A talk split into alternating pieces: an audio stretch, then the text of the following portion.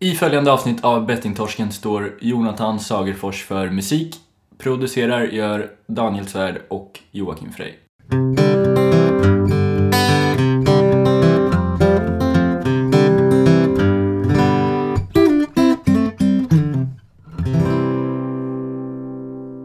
Hej och välkommen till podcasten Bettingtorsken.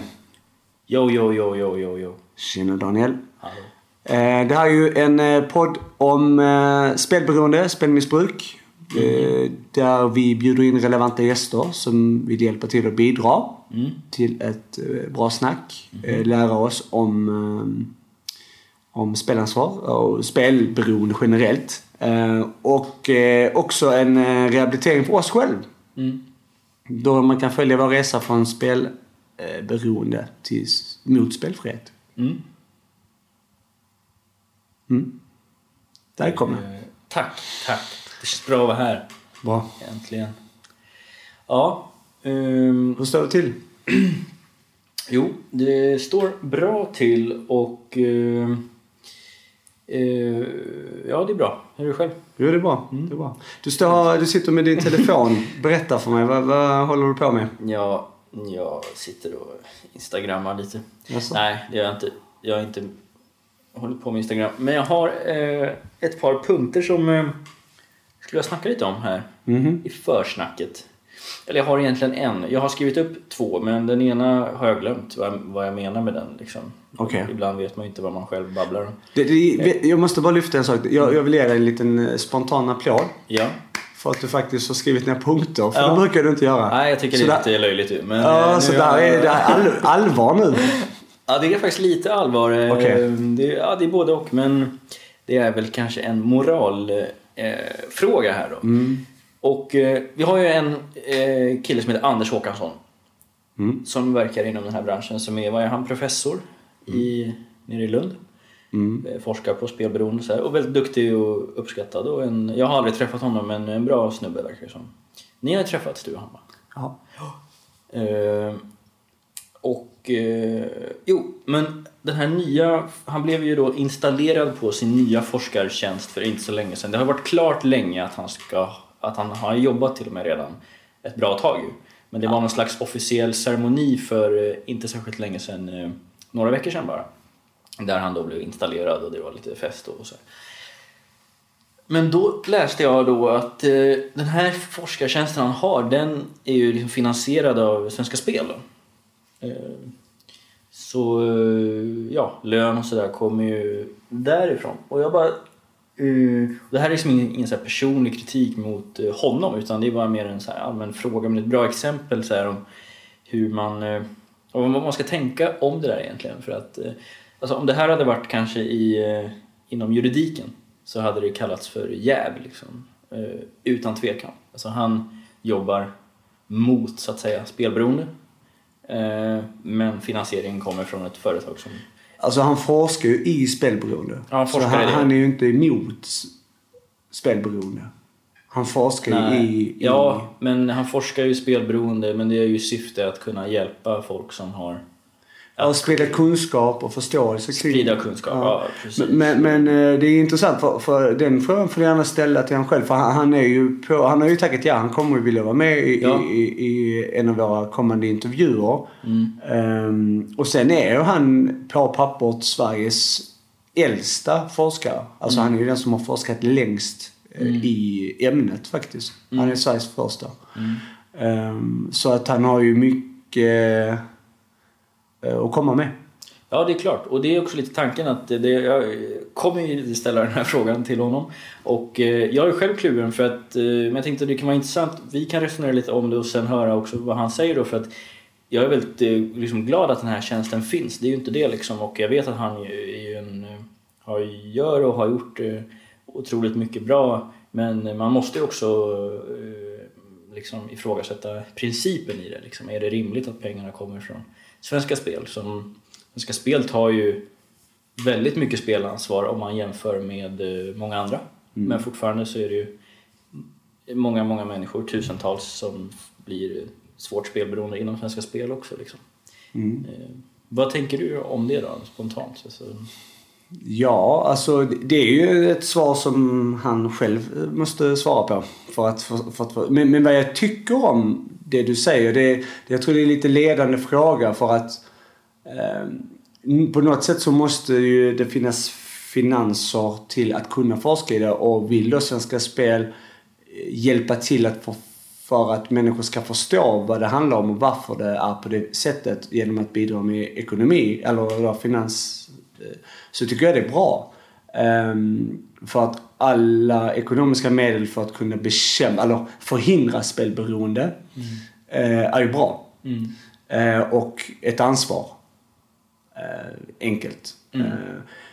Och jag menar, det är ju, vi har ju haft andra gäster som har blivit, blivit finansierade av Svenska Spel till exempelvis. Mm. De, alltså som vi har pratat med och, och, och har då fått eh, lön till exempelvis. Mm. Eh, det är ju också samma sak mm. Kan man säga. Fast de förhindrar ju spelare, alltså de jobbar ju för spelansvar. Så, så jag skulle väl inte påstå att det är någonting konstigt egentligen. Eh, bara inte informationen är felaktig och vilseledande. Mm. Nej, det är ju det man i så fall då kan vara liksom lite orolig för. Och jag vill återigen betona att jag ifrågasätter inte Anders eh, integritet eller eh, hans, eh, hans moral. Utan, för det är ju, han är ju en människa som alla andra. Och, men alla är ju, alla är ju påverkbara. Liksom. Och man kan, alltså jag kan tänka mig ett scenario där, där han och hans forskningsgrupp som jag antar att han har kommer fram till kommer fram till saker som är extremt missgynnande för Svenska Spels ekonomi, kanske på en mycket högre nivå än de hade de har kunnat eh, drömma om. Liksom. Och, och, där kan det bli en problematik. Liksom. Mm. Men eh, ja, jag tycker det är intressant att resonera kring och eh, det ska bli spännande att höra hans mm. egna ord. Absolut. Mm. Jag vet ju också, eller jag, vad jag läst så, så får väl han också ekonomiskt stöd från andra håll också. Alltså statliga stöd för att kunna bedriva forskningen. Också, så inte bara från Svenska ja, Spel. Jag vet inte, för det som, när jag läste då, var det, då stod det bara så här ordagrant hans forskartjänst finansieras av Svenska Spel. Mm. Punkt. Liksom. Mm. Så, sen vet jag inte, jag har inte läst mer än det. Men eh, just i den artikeln framgick det inte några andra finansiärer. Men ja, det, det, kanske finns. Men staten, ja, staten, Svenska Spel. Inte. Men jag vill faktiskt säga att han gör ett otroligt bra jobb. För att, jag menar, jag var nere i Malmö när jag också höll föreläsning på en konferens där nere. Eh, med väldigt många människor. Mm. Och eh, då var han också en av föreläsarna. Och jag fick ju en stor känsla av att... Alltså jag, pratade faktiskt med ehm, eh, andra där eh, emellan då, eller efter hans snack. Mm. Hans föreläsning. Så, så jag fick en känsla av att han faktiskt... Det, det kändes nästan som att han själv hade varit spelberoende i hur han presenterade ehm, eh, Alltså hur han höll i föreläsningen. Mm när jag gick igenom allting som vad det handlar om just spelberoende. Liksom. Mm. Uh, vilket jag, jag blev liksom lite tagen av det för att jag har inte hört det på det sättet. Liksom. Det, det var så i, i detaljform så att han, han gör ju ett väldigt bra jobb. Uh, att jag till och med uppfattade det som att han Alltså att jag får en känsla av att han själv har varit spelare. Mm. Då blir det lite så, oh, jäklar, då har han kommit ganska långt i sin forskning. Mm. Uh, om man kan uppfatta det så liksom. Så det, det, han gör ett väldigt bra jobb liksom. Mm. Ja, det gör han säkert. Men det var, det var en bra, det var en bra fråga det, som du sparar tills intervjun med han. Verkligen. Mm. Ja, är det någonting annat du ville, som du, du sa att du hade två punkter. Det var ju nästa. Nyfiken. Nej men jag sa ju att den andra så hade jag glömt bort vad jag själv menade. Jag har skrivit Metro-tidningen. Alltså jag, jag tog en Metro... Jaha, jag, jag, tror ju, jag tror jag har sett den. Faktiskt. Är det typ något så här att du kan bli... Så här blir du miljonär ja, eller så här? Den eh, första sidan var det en sån massa pengar och bilder så sa så här blir du miljonär. Ja, det var inte det. Men jag vet Nej. vilken du menar. För jag har läst den också. Men Metro överhuvudtaget, de har ju... Måste jag, jag måste faktiskt skicka en jävla känga till dem alltså. För att de har... De har sjukt vilseledande annonser som man kan... Till och med eh, liksom jag som är ganska luttrad mot det här. Ibland kan det ta ganska lång tid när man fattar att det är en annons liksom och man bara vill de skriver det väldigt fint för att man ska luras in i, i massa skit. Det, Det tycker jag fan är, det är, det är fult alltså. De måste ha väldigt lite att skriva om där för att om de har det som första sida så känns det lite så Alltså det var ju en stor bild på massa pengar och sånt där. Jag tror Mm. Ja. det handlar om någon, säkert någon, att man skulle spela på någon uh, lotto någonstans. Mm. Eh, Ja, nej, de, de, de, de, ja, det är ju en gratistidning, de lever ju av reklam. Det är ju inget nytt, eller det är ingen chock för någon liksom. Men eh, det finns olika sätt att göra det på. Såklart att de måste ha mycket reklam, det säger sig självt. Eh, Men eh, ja, nej, jag gillar inte deras eh, stil. nej. Men men, så kan det vara. Det var de punkterna jag hade. Vilka punkter har du skrivit upp?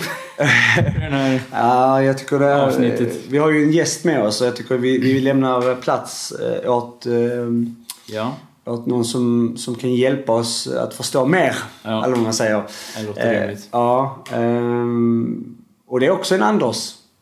Ja, Fast en annan Anders. ja. Anders Wikström. Det är populärt nu att heta Anders, Ja. sägs det. Eh, En gammal, eh, eller ja gammal gammal. Han slutade spela fotboll eh, 2015. Ja. Eh, Sin aktiva fotbollskarriär. Han har spelat i många Fin karriär. Ja. Kan googla Anders Wikström. Exakt, och nu har han ju ansvar som, han har ju ansvar för sp- spelansvar och match, matchfixning Mhm. för eh, Svenska fotbollsförbundet va? Nej, Svensk fotboll, elitfotboll. SEF, ja Ja. precis. Svensk elitfotboll. Ja. Svensk elitfotboll, precis. Ehm, och ehm, så mycket, mycket, det var ett härligt snack.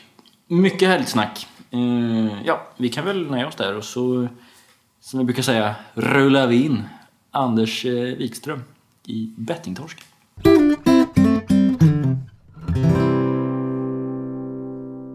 Då är vi igång med avsnittet med Anders Wikström. Välkommen Anders. Tack så mycket. Eh, är läget bra? Det är bara bra. Vi har haft eh, upp, upptaktsträff Mm. med Superettan idag. Så stora delar av svensk elitfotboll har ju varit här nere och Mm. hjälpt till. Eh, Jocke, hur står det till? Mm, bra, bra. Ehm, lite stressad blev jag för var problem med kollektivtrafiken här. Ja, du har varit ute och... Ja, jag fick åka runt hela, hela Göteborg. Men annars är det bra. Härligt. Själv härligt. med dig? Eh, jo då, det är lugnt. Eh, vem är du, Anders? Vi börjar där. Ja, vem är jag? Ehm, Jag är Anders och jag är 36 år gammal. Eh, Jag har en elitfotbollsbakgrund eh, och sen eh, början på 2016 så har jag jobbat då åt Svensk Elitfotboll eh, som Svensk Elitfotboll och Svenska Spels gemensamma resurs mot matchfixing. Då. Där det primärt handlar om att utbilda våra spelare och ledare i våra serier. Både på seniornivå men nu på senare tid även på, på de yngre åldrarna. Mm, mm. All right. Eh, förutom det då, på fritid och sådär, vad gillar du att syssla med? Är det fortfarande fotboll eller är det... Jo, men fotboll är en stor del av livet. Liksom. Jag slutade 2015, men eh, ja, jag bor i Gävle. Eh, jag vill att det ska gå bra för Gävle såklart. Jag har själv spelat där åtta år. Eh, jag följer såklart mina gamla lag. Eh, Norrköping, Elfsborg och Mjällby. Mm. Sen har jag ett stort Arsenal-hjärta som är Okej. lite halvbröstet just nu då, Ja. eh, får man väl säga. Men eh, ja, jag har familj och, och två barn så det är inget problem att få tiden att gå om man säger så. Mm. Nej. Okej. Eh, höll du på Arsenal i Östersund-matchen? Eller? Jag var faktiskt där och kollade Okej. på den eh, uppe i Östersund. Eh, och då, jag hade tre av mina Arsenal-vänner med mig och eh, de höll väldigt mycket på Arsenal. Mm. Men eh, jag som jobbar med, med, med Östersund som en Ja. av våra medlemsklubbar.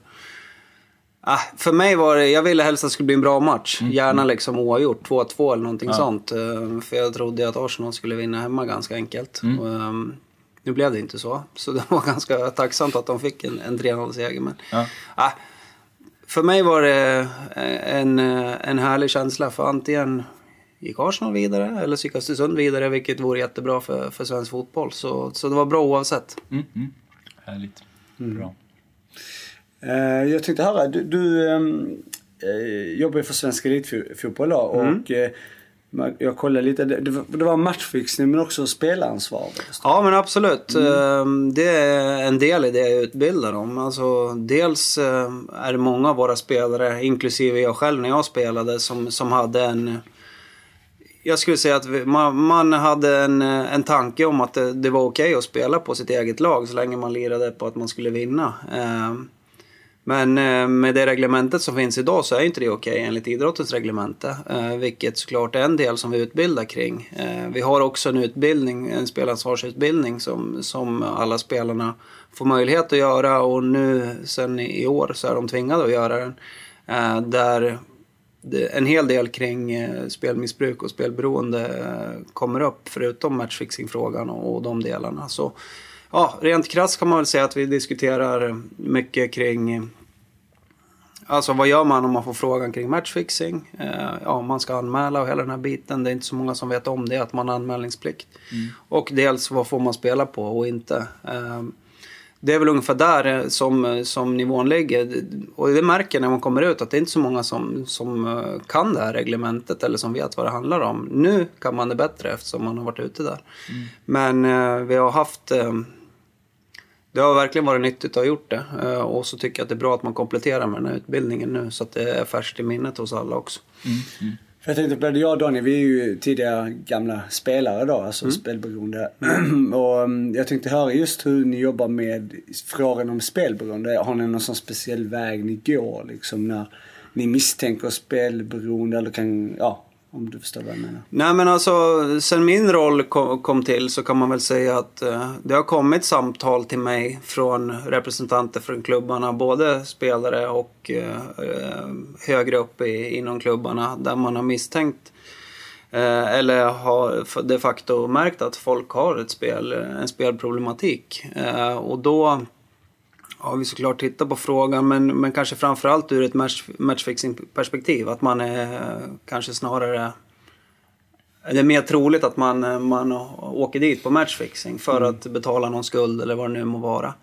Um, om man säger Centrum för psykiatri och forskning gjorde ju nyss en spelstudie mm. uh, som vi fick ta del av och det var inga, det var inga roliga siffror om man mm. säger så. Framförallt inom elitidrotten och även på redan så tidigt som i tvåan på gymnasiet så var ju spelare i riskzonen var ju runt 10% kring det där. Så det är en mm. fråga som vi, som vi behöver arbeta mer med. Så enkelt är det ju. Det är inget snack om den saken. Och, och titta på ja, vad vi kan göra för det. Jag kan inte säga att vi, vi har ingen färdig lösning så utan information är väl en bra del och, och, vi har ju några kända spelare i, i våra serier som även är aktiva idag som Nordin och, och Tobias Eriksson mm. Mm. Som, eh, som har gått ut med sitt, eh, sitt missbruk eller sin problematik och, och jag brukar alltid visa den filmen när Nordin berättar eh, sin situation, hur han fastnade i spelet och hela den biten. Och, och är, det no, är det någon gång man verkligen får uppmärksamhet så är det ju när en kollega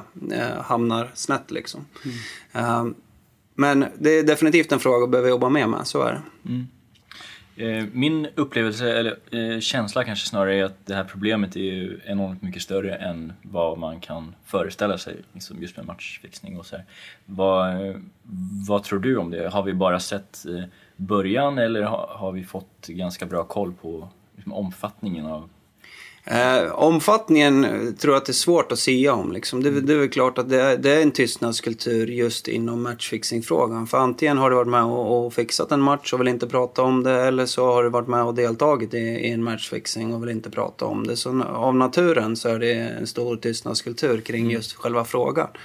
Eh, det, vi, det jag däremot tycker vi, vi har kommit långt eh, mot, för, det är väl bara att vara krass. Alltså, vi var väl ganska naiva. Jag ber om ursäkt, det ringer. uh,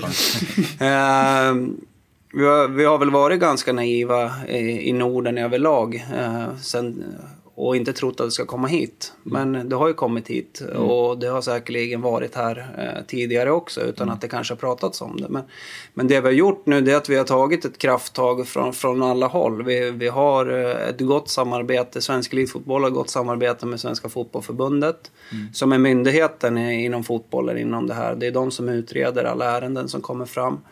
Vi har ett nära samarbete med polisen som har sin insats eh, ja, de har ju en eh, särskild styrka som, som jobbar mot kriminalitet inom idrott. Inte mm. bara matchfixing utan lite av varje. Vi har också väldigt täta band med, med Riksidrottsförbundet och, och Johan Claesson då som är samordnare där.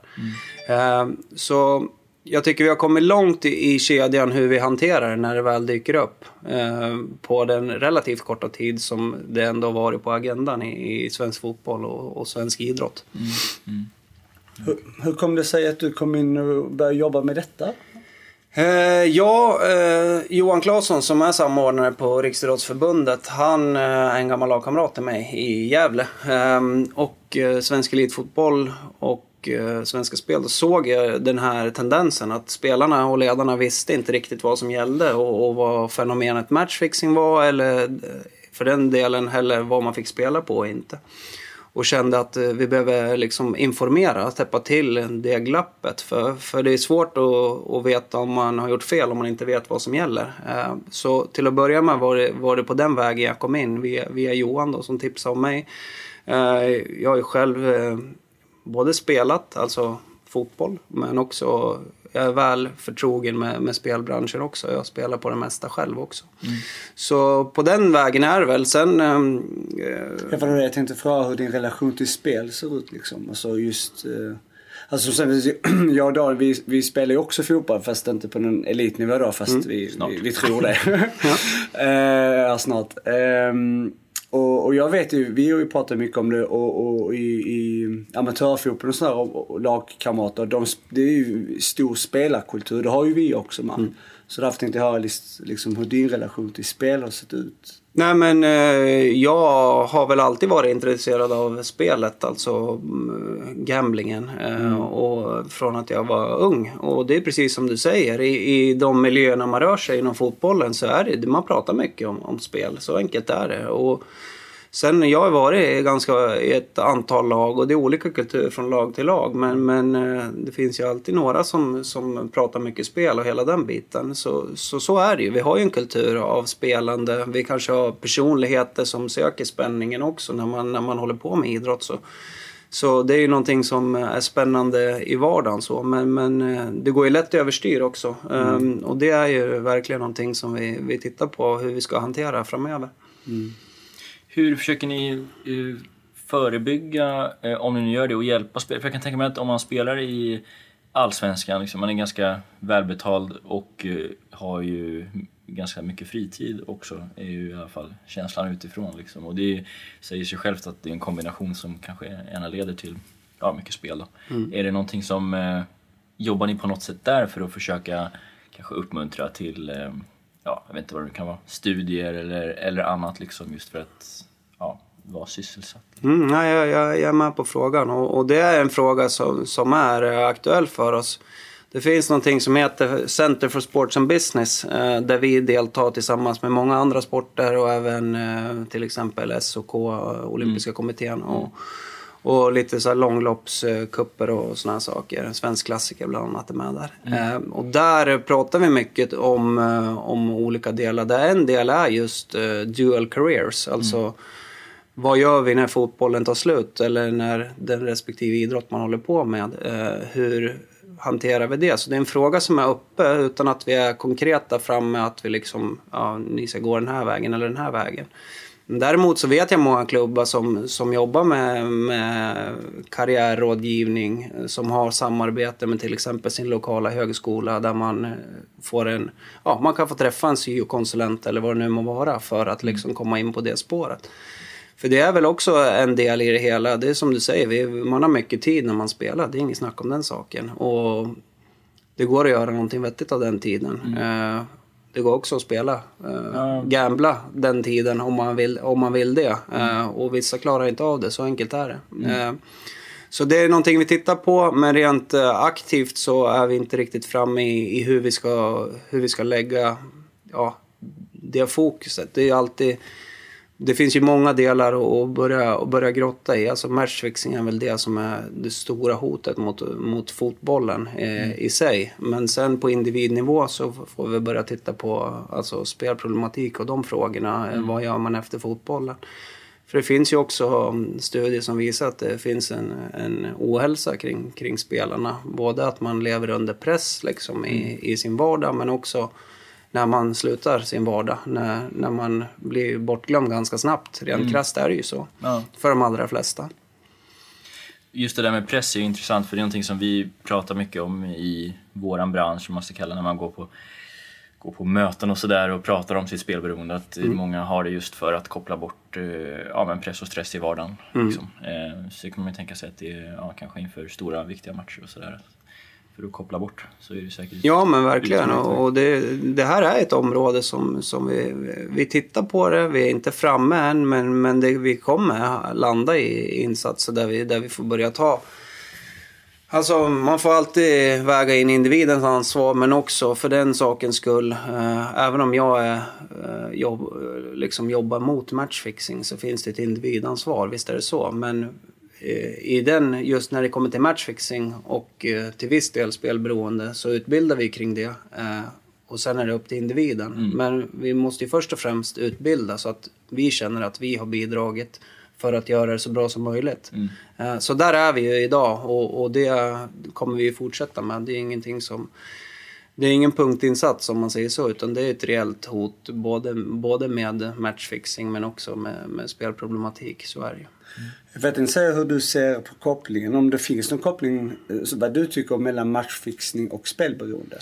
Jo, men alltså utifrån eh, det man får höra när man är på, på alla olika möten, allt från internationellt till nationellt, så, så har det ju en, eh, ett samband. Visst är det så? Alltså hamnar du i, i klorna på fel personer, alltså skuldmässigt och så, det är väl klart att det är mer tacksamt för dem. Eh, Det var någon som sa det att eh, de kriminella scoutar ju spelare som är möjliga att använda för matchfixing. Precis som sportcheferna spo- eh, scoutar spelare. Alltså de man försöker hitta liksom ja, men, men det är jag helt övertygad om. Och, och i flera fall som man har sett så är det ju det som, som är eh, problematiken. Grundproblematik. Man rör sig i de, eh, de områdena eller de eh, sammanhangen där det sker mycket spel. Det kan vara på kasinot eller, eller vad det nu må vara. Eh, Det kan bara vara att man eh, alltid är i, hos sin ATG-handlare och lirar. Det är väl klart att man, man tittar på, på människor som är lättare att påverka. Så enkelt är det. Sen är inte, är inte det hela sanningen utan det är väl klart att relationer är, är ju en sån sak. Ja, för det måste vara ganska viktigt att identifiera personer som har spelproblem eller har, har eh, risk för det. För att då är ju kanske de också risken för matchfixning. Alltså de scouterna. Jag bara menar hur man jobbar aktivt med att identifiera spel, eh, spelmissbrukaren så att säga. Eller personer som har problem med spel. Jo, precis. Och, och, alltså, det är ju svårt att veta. Alltså, spelproblematik är väl den mest dolda sjukdomen som finns. För det syns väl inte utanpå alltid. Utan eh, när det kommer fram så har det oftast gått alldeles för långt. Det är, det är ju tyvärr så. Eh, Så det är svårt att, liksom, att se den saken. Men däremot om man, om man kommer... Det är klart att det finns att man att det hålls ett extra öga på, på spelare som eh, någonstans har, har varit med i matcher som tidigare har varit uppgjorda och hela den, så, den biten. Men, men för att tydliggöra så, Fotbollförbundet är ju den utredande myndigheten. Jag är ju ren informatör kan man säga. Jag är utbildare. Så när det kommer till själva utredningsarbetet så, så är de bättre att svara än vad jag är. Även om jag kanske har bättre koll än gemene man så är inte jag med, med utredningstekniskt så vad som sker exakt och hela den biten. Även om jag blir informerad om när spelare liksom, när man tycker att man har kommit så långt i en utredning att man vill stänga av dem eller att man vill gå vidare till polisanmälan så får jag veta det. Eh, det är ju inte vanligt, det ska man ju säga. Eh, att, det, att det går så långt. Men, men det är ju några fall varje år, så, är- så är det ju. Ja, det var ju mest uppmärksammade kanske då, var det i fjol va? Blåvitt eh, AIK. Han, då jobbade du med det också eventet, Ja. det var ju 2016 i början. Yes. Eh, det måste ha varit eh, hektiskt. Och, Jo, men det, det blir det ju såklart när det, när det är sådana händelser. För, för det blir ju min, mitt ansvar delvis också att svara på de frågor som, som kommer från media och hela den biten. Så, så det var en hektisk period, det kan man inte säga någonting om. Eh, det, man, eh, det jag gläds åt, liksom det jag hade varit ute och föreläst om, eh, just säg nej, anmäl. Eh, det är precis det som har skett. det fungerade ja. Det är ett eh, otroligt civilkurage såklart som krävs för att göra det. Vilket all respekt till den spelare som, som gjorde det i det här fallet. Eh, och det är ju liksom en förutsättning för att vi ska råda bot på det. Dels att man anmäler så att vi kan börja utreda det eller så att förbundet kan börja utreda det och även polisen börja utreda det.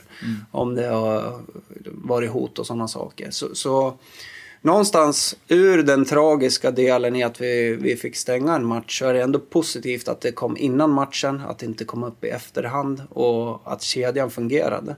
Och att vi dessutom efteråt kunde sitta på presskonferensen, polisen, AIK, eh, Fotbollförbundet, Svensk Elitfotboll gemensamt eh, liksom visa att alla står upp bakom en. För att inte tala om hur mycket cred spelaren fick från, från kollegor och, och ja, men från alla, från, från media och allting. Så det, det kom ju någonting bra ut ifrån det. Jag säger allting, allting som händer ska upp på bordet. För vi måste börja prata om, om problemen eh, innan vi kan få mota dem. Alltså hur, hur för vi pratar elitfotboll eh, nu ju. Eh, hur långt, eller vad, när börjar elitfotbollen? Alltså det är inte så, ja. Nej, men, för att eh, vi ska räkna, men jag bara tänker, när börjar elitfotbollen? Nej men Svensk Elitfotboll som jag företräder, vi har Allsvenskan och Superettan. I vår, det är våra två serier. Eh, sen eh, där vi äger de kommersiella rättigheterna och så. Men vad händer med eh, de som... För det, det går ju... Vi har ju spelare som sagt till SB. Vi, man kan ju spela för division 3-4 till och med. ja, längre ner och Fem- ner Femman tror jag man kan spela. ännu längre om man går till Asien så. Ja, det är så ja. Ja. ja. Fan. Eh, Men det är Men typ hur- Nordic Bet kör ner till femman tror Ja, jag. det gör de precis. Eh, Men hur jobbar man med det? För där är, måste ju vara... Ja. Hur, hur jobbar man med- just matchfixning? Det gör ju inte ni då. Vem... Nej, precis. Alltså, vi, vi hjälps ju åt. Så det, visst, jag har varit hos klubbar i division 3 också. Och någon division 1 och någon division 2. Så där när, när vi har haft ett särskilt behov. Men rent krasst så ligger det på fotbollförbundet eftersom det är deras serier. Eh, och de, eh, dels eh, tillsammans med RF också. Johan Claesson var ute i alla division 1-föreningar. Eh, om det var förra året. Han har varit ute i handboll nu och bandy och så också. Eh, RF, eller fotbollförbundet tar in en ny tjänst nu eh, som man också kan fortsätta utbilda utöver att man såklart ingår i värdegrundsdokument och det skickas ut material och så. Eh, men just utbildningsdelen är ju någonting som som det jobbas med på, på alla fronter. Sen just den här personliga föreläsningen om man säger så, så som jag har gjort har väl inte, det har inte skett på alla klubbar i, i hela svensk fotboll. Det har det inte. Eh, det blir ju fler och fler ju längre ner i serien vi kommer, fler och fler lag. Men eh, som till exempel alla division 1-serier eh, gicks igenom om det var förra året tror jag. Eh, och eh, division 2 ska man väl göra en liten ride på nu och så. Så det informeras neråt, det gör det absolut. Eh, och det är ju precis som du säger, det här är inget elitfotbollsproblem. Nej. Det är alltså, fotbollen är ju under attack rent krasst. Vi, vi, det är inte vi som önskar oss matchfixing utan det är ju på grund av att det går att spela på matcherna så, som det finns matchfixing. Är det inte nästan tvärtom? Alltså du sa att det är inget elitproblem. Är, är, det inte nästan tvärtom? Att, för det var ju många som var chockade över till exempel Blåvitt AIK då, eftersom att det är sällan det sker på de här största största matcherna. Jo, nej men precis. Det är ju eh, rent krasst. Alltså, ri- riskfaktorer för matchfixing är ju såklart att matchen inte tv-sänds till att börja med. Det är svårare att identifiera vad som har skett. Eh, Därför är det ju vanligare på lägre serier. Det är ju oavsett vart vi tittar. Vi hade, jag hade möte med La Liga för inte så länge sedan och deras eh, Integrity Unit. Då. Och där håller de på att nysta upp en härva liksom från division 2, någon del av landet i Spanien. Så det är ju, visst det är vanligare på de nivåerna men eh, för den saken skulle man inte förskonad ända upp på högsta nivå. precis. Mm. Jag har en liten eh, spaning och det är att den här nya VAR, eh, det heter så va? VAR, en videogranskning. Eh, känns det inte som att den kommer nästan bidra åt fel håll i, i den här problematiken för att det, så, det blir lättare att, alltså ingen kan ju säga emot då den här teknologin liksom. Den tar ju slutgiltiga beslut. Och det känns som att det är lätt att, eller lättare att komma in där och kanske muta någon eller ja, jobba på det sättet. För det, det har ju varit problem att man kanske VAR identifierar, man, man pratar om ah, var det straff eller inte. Ja, men så går man tillbaka, men det var ju offside där borta liksom först och, och så vidare. Att man kan, eh, ja, det bara känns som att det där kommer ju bli eh, nästa liksom, måltavla eller så. Ja, jo, men jag tror som du säger att det, det är ingen del inom idrotten som är förskonad. Utan eh, där det finns möjlighet så kommer, man, kommer det försökas Mm. från de som vill eh, på något sätt påverka vår, vår idrott. Eh, det är väl klart att eh, det är en aspekt som måste tas upp när det gäller VAR också. Eh, nu vet jag att en kollega till mig åker ner imorgon för att diskutera VAR och se vart vi står och hela den biten. Eh, Det vart väl klart ganska nyligen att det skulle användas i VM, I VM, också. ja. Eh, Men absolut, det är, det är en problematik som är långt ovanför mitt huvud men Mm. som jag eh, skulle bli mycket förvånad om man inte har tittat på den aspekten. Du ska inte spela VM eller så? här, så du inte... Nej, nu är det, det är många kilo sen, mm. höll jag på att säga. Och lite dåligt tränad också för den delen. Ja, ja, all right. Ehm, kolla, du har ju besökt alla klubbar i eh, SEF då, eh, angående det här. Hur har eh, responsen sett ut? Har det varit liksom, enhälligt positivt eller finns det klubbar som inte riktigt liksom, orkar nysta i det här eller vill snacka om det eller sådär? Nej, men jag skulle säga att det har varit enbart positivt. Ehm, dels är det skönt som spelare att känna att man vet vad som gäller. Eh, de här eh, oklara gränserna som har varit informella regler tidigare är ju utsuddade nu. För nu vet man att det, det är det här som gäller, punkt slut. Du får inte spela på ditt eget lag. Du får inte spela på någon match du kan påverka utgången. Du får inte ens spela stryktipset om du råkar vara med på kupongen och såna här saker. Det är sådana saker som har varit extremt luddiga tidigare. När det gäller anmälningsplikten kring matchfixing så är det någonting som man inte har vetat om. Och det har ju kommit spelare till mig liksom, som jag har spelat med tidigare och sagt att ja, men liksom, jag har också fått frågan för tio år sedan. Precis som jag själv har fått frågan för tio år sedan om att vara med på matchfixing. Men då, det anmäldes ju inte. Jag anmälde det inte. De som, de, det fåtal jag pratat med som har sagt samma sak har inte heller anmält utan man har sagt nej. Och så har man kört på liksom. Men eh, det är ju någonting som är väldigt viktigt att informera om. Att, att man behöver anmäla för att vi dels måste börja nysta i det men också för spelarens trygghet när han går in till match. Eh, jag vet inte om, om ni vet det men, men eh, för tio år sedan när jag spelade med Gävle så fick jag frågan inför sista matchen för året. Vi skulle möta Helsingborg eh, och jag hade en gammal kompis med, ja, som var i ett spelmissbruk eller spelproblematik. Så ringde mig eh, dagen innan matchen och frågade om vi kunde släppa in ett par extra baljor liksom. Och rent krasst då, gäll, matchen gällde ingenting så. Eh, vi skulle komma nio eller tio eller vad det var, oavsett utgång.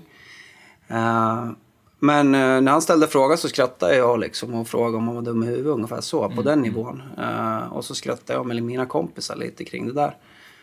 Eh, sen var det söndag, det var match. Uh, kom, satt i omklädningsrummet och kom ihåg att jag tänkte liksom, tänk om vi torskar stort idag. Jag har ingen avsikt för det, men det kan ju hända ändå.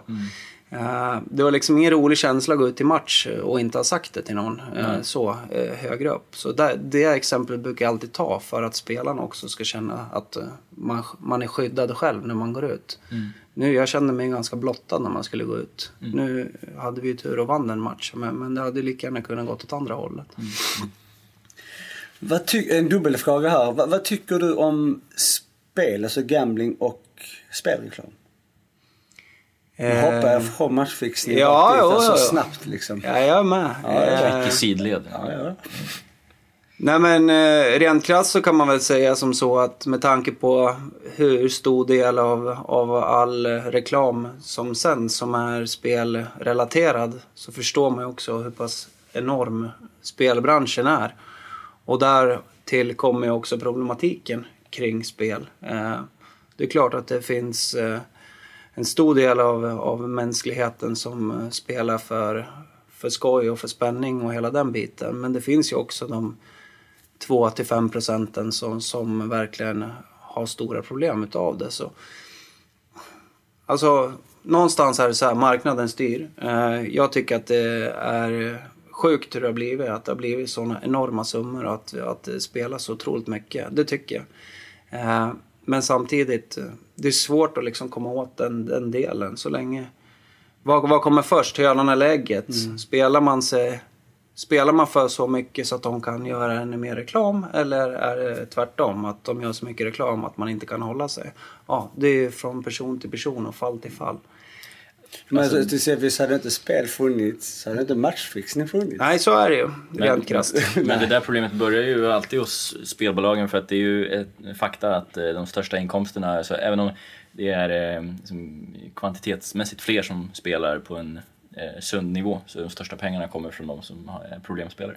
Så, och det är de som ska identifiera oss problemspelare i ett tidigt stadium. Liksom. Så att, eh, ja.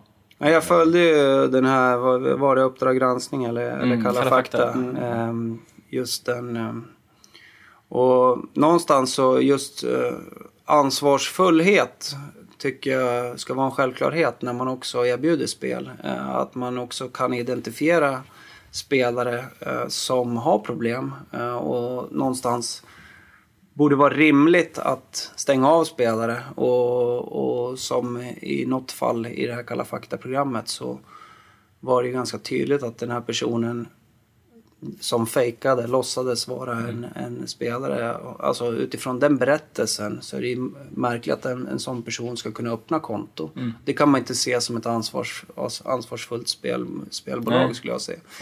Ehm, nu är jag delvis anställd av Svenska Spel och, och är väl jävig i den här situationen. Men, men utifrån eh, att de besätter vissa roller, eh, både hos RF och hos oss på Svensk Elitfotboll, så man tar en, en del av sitt ansvar, eh, vilket jag tycker är, är någonting som borde vara givet för alla. Ehm, det, det kanske inte alltid bara räcker med att ha en stödlinje eller vad det nu må vara, utan Just identifikationen, hur det ska gå till, eh, jag är inte, ingen expert på det, men, men det borde definitivt vara en del i, i spelbolagens trovärdighetsarbete. Att man, att man, eh, att man kan Ja men att man kan hjälpa människor i nöd. För det är ju det det är.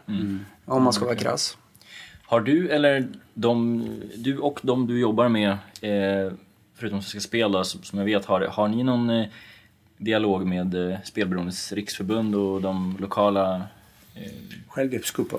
Självhjälpsgrupperna för det finns ju Tänker fler. att till exempel hänvisa spelare sådär. Eh, Jag har själv hänvisat spelare till eh, spelberoende föreningar eh, runt om i Sverige beroende på vart, man, vart problemen har funnits. Utifrån ja, dels samtal från spelare själva så, som har känt att man kanske är på gränsen eller att man sitter riktigt i skiten. Eh, Men också från eh, ledare, klubbledningar där personer har ringt och, och när man misstänker eh, just spelmissbruk eller Ja, att om det nu sk- nej, matchfixing har inte fått något, men däremot har man ju misstänkt eh, spelproblematik och, och få, haft det bekräftat i, i något lag eh, i våra serier också. Så jag själv har hänvisat vidare till, till expertisen som, som eh, vi pratar om, eh, spelberoendeföreningar, eh, vid ett fåtal tillfällen, men ändå har det skett eh, under de senaste åren. Okay. Eh, tillbaks till matchfixningsfrågan då. Jag, nu har inte jag läst på svinnoga där, men jag har förstått det som att i England exempelvis så är det ganska mycket hårdare regler vad det gäller att som aktiv spelare, du får inte spela tror jag, på engelsk fotboll överhuvudtaget. Här det stämmer, eh, så är det. Har ni funderat kring någon sån lösning? För att idag får man väl spela på till exempel andra allsvenska lag om man är en allsvensk spelare? Absolut. Och det är som du säger, det, det är många länder som har hårdare regler än vad vi har i Sverige. Eh, många länder har att man inte får spela på inhemsk fotboll eller sin egen liga. Eh, England tror jag till och med att det är så skarpt så att om man spelar de fem högsta divisionerna så får man inte spela på fotboll worldwide. Mm. Ja. Jag tror att eh, reglerna är så. Åtminstone att man inte får spela i England. Det vet jag definitivt. Eh, det här är någonting som vi definitivt eh, diskuterar. Eh, framförallt inom oss på Svensk Elitfotboll. Hur utifrån Riksidrottsförbundets idrottsreglemente så kan ju vi göra en hårdare dragning av det rent krasst. Hur den ska se ut och vart vi hamnar, det vet jag inte än. Men, men det, jag håller med. I sak så kan det...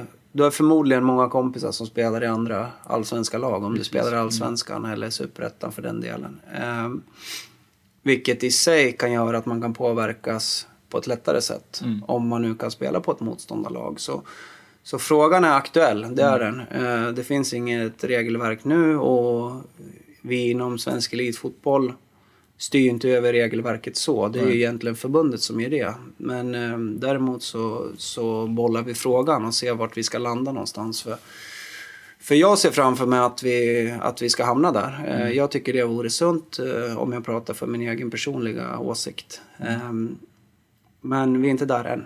Nej. För att förutom matchfixning så blir det ett problem att den här eventuella spelaren då får ju en extra edge mot marknaden. Man har kanske, en, ja, som du säger, man har en kompis som kanske är tränare till och med och kan få information på det sättet. Är vi inte så taggade på den här matchen? Ja, du vet. Så, det, så det blir orättvist. Typ. Ja, men det, den, den aspekten finns ju med också såklart.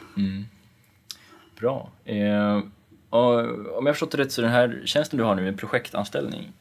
Eh, och eh, jag var lite nyfiken på vad som, hur länge den pågår och eh, vad som kommer hända därefter. Är det någonting som kommer att fortsätta? Kommer den tjänsten finnas kvar eh, i någon form eller hur kommer det se ut? Eh, om jag ska vara ärlig så vet jag inte. Eh, däremot så eh, i min rollbeskrivning nu så ingår ju ordet ligaintegritet. Vilket innebär att eh, det är ju någonting som vi kommer fortsätta med. Det är inget snack om saken.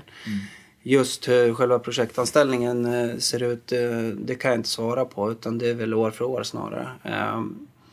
Men eh, att, eh, att matchfixing-frågan kommer vara aktualiserad hos, hos oss eh, ja, för inom överskådlig framtid, det är jag helt övertygad om. Och det, där kommer jag, eller om det nu skulle vara någon annan, att behöva arbeta. Både hos oss på, på Svensk Elitfotboll men också på, på Fotbollförbundet. Det, det är ett ämne som, liksom, det finns ju inte att plocka bort en sån tjänst i, i, ja, det är med tanke på väldigt, vart vi väldigt ligger. viktig roll i spelansvar och matchfixning. Ja, verkligen. Ehm, och ehm, som jag sa, det finns inte en chans. Det går inte att, plocka bort en sån här roll och göra det.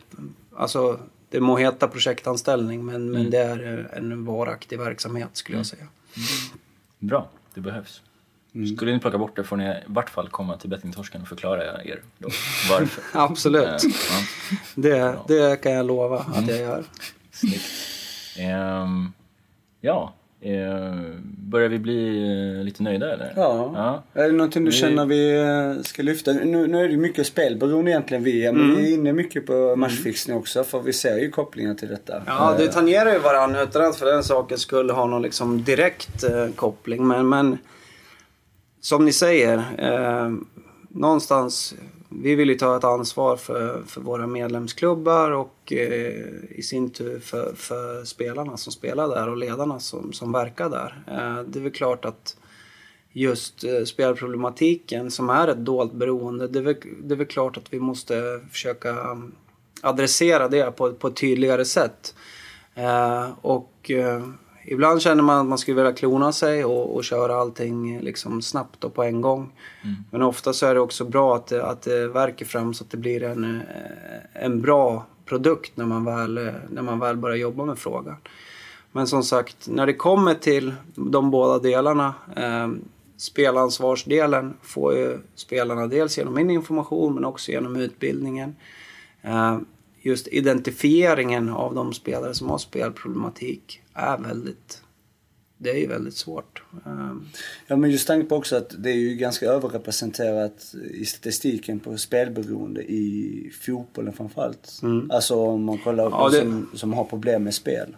I Sverige är det väl så. Men ja, om man tar den senaste undersökningen så var det ingen större skillnad mellan till exempel fotboll och ishockey när det kommer till spelproblematik. Eh, Om man tittar runt om i världen så kan det vara tennis, cricket, eh, beroende på vart sporten är en största. idrott Så, liksom, så här- de, de idrotterna som är starkast eh, är ju ofta de också som drar åt sig delar av de här problemen. Så är det ju. Vi har ju pratat om det förr, jag känner ju ingen som har spelproblem som inte kommer från idrottsrörelsen. Liksom. Det är ju, ja. Eller ja, nu har jag lärt känna någon på för- föreningarna här, men, men inte tidigare. Nej, men det, det är som sagt, det, det, det är någonting som vi, som vi verkligen arbetar med. Och, eh, när matchfixing-frågan aktualiserades så, så började det egentligen krasst med, med matchfixing och den frågan. Och sen när man börjar se kopplingar mot, mot eh, sitt eget spelande så har det utvidgats lite grann bara från när jag började 2016 till att bland annat ta den här delen med, med spelansvarsutbildningen. Vilket jag tycker är otroligt otroligt bra att man får se. Det, är- det är många personer i den här utbildningen eh, som har spelproblem eller som har kommit ur det, som berättar om sina historier. Och det är ruskigt mörka berättelser man får. Eh, det är klart att eh, en, kan man väcka en person eh, så är det värt, värt det alla dagar i veckan. Mm, mm. Eh, vi har ett par avslutande frågor här, men in, innan dess undrar jag, du som har stenkoll på eh, Allsvenskan och Superettan och så här, framförallt Allsvenskan då. Vilka, förutom Kalmar FF, ser du som eh, stora favoriterna till guldet i år?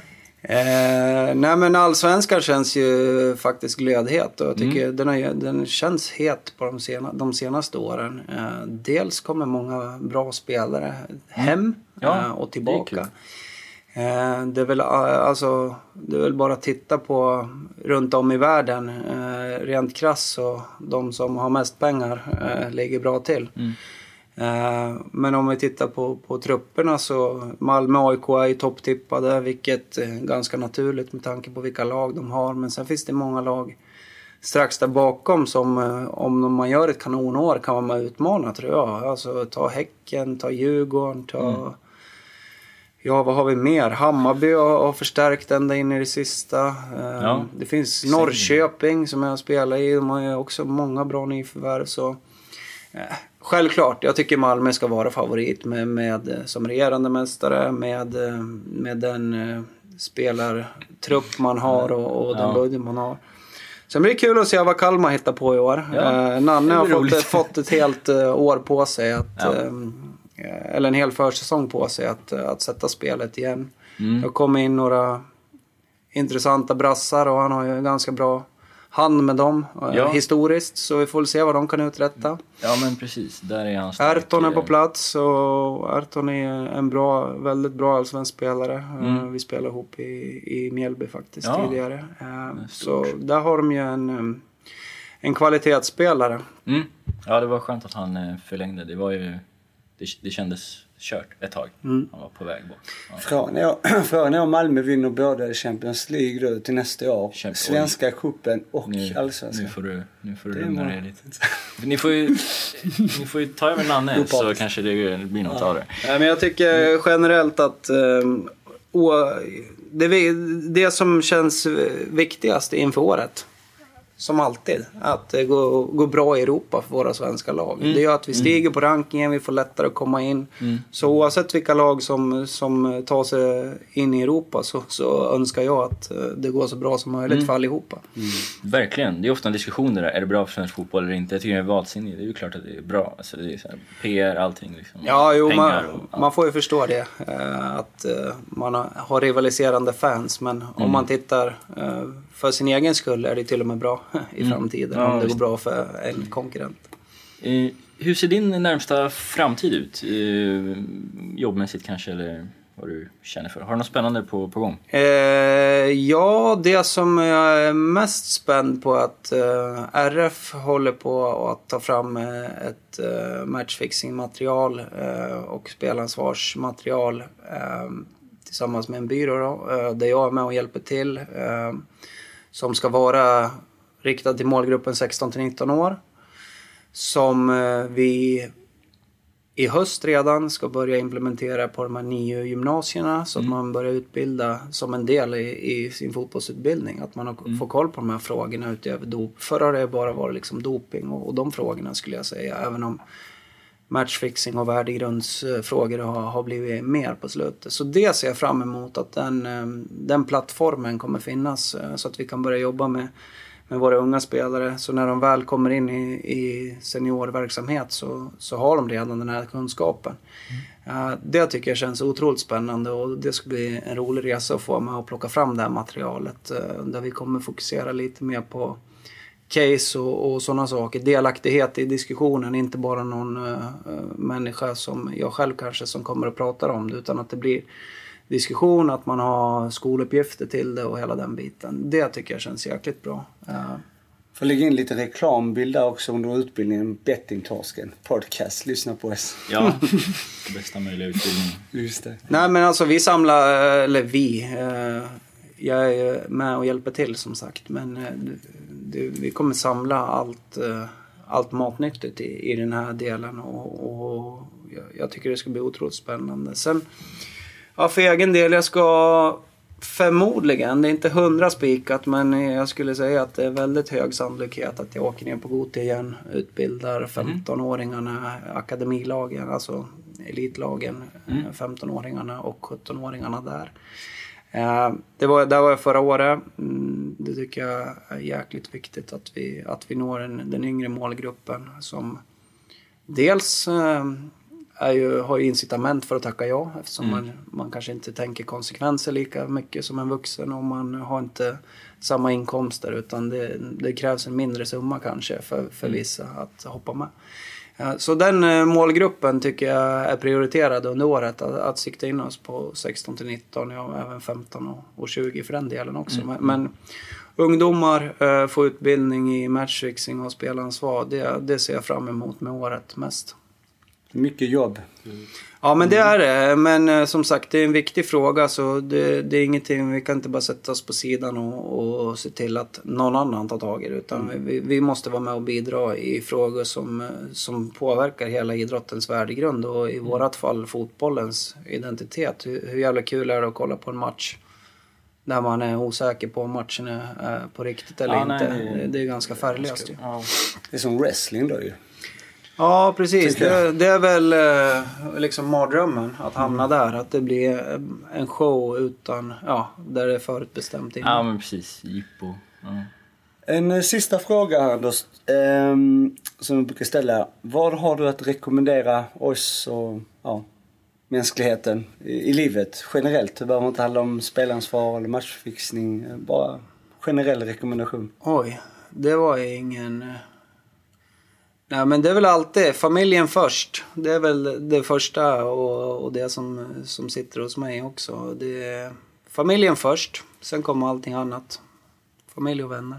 Det var bra. Mm. Ja, första tror jag. Ja, tror jag faktiskt. Ja, det är nära och kära lite så här, men just mm. så här konkret. Familj är bra, det gillar jag. Vi blir Snyggt. så kloka här genom att göra det här. Det gör vi. massa bra rekommendationer.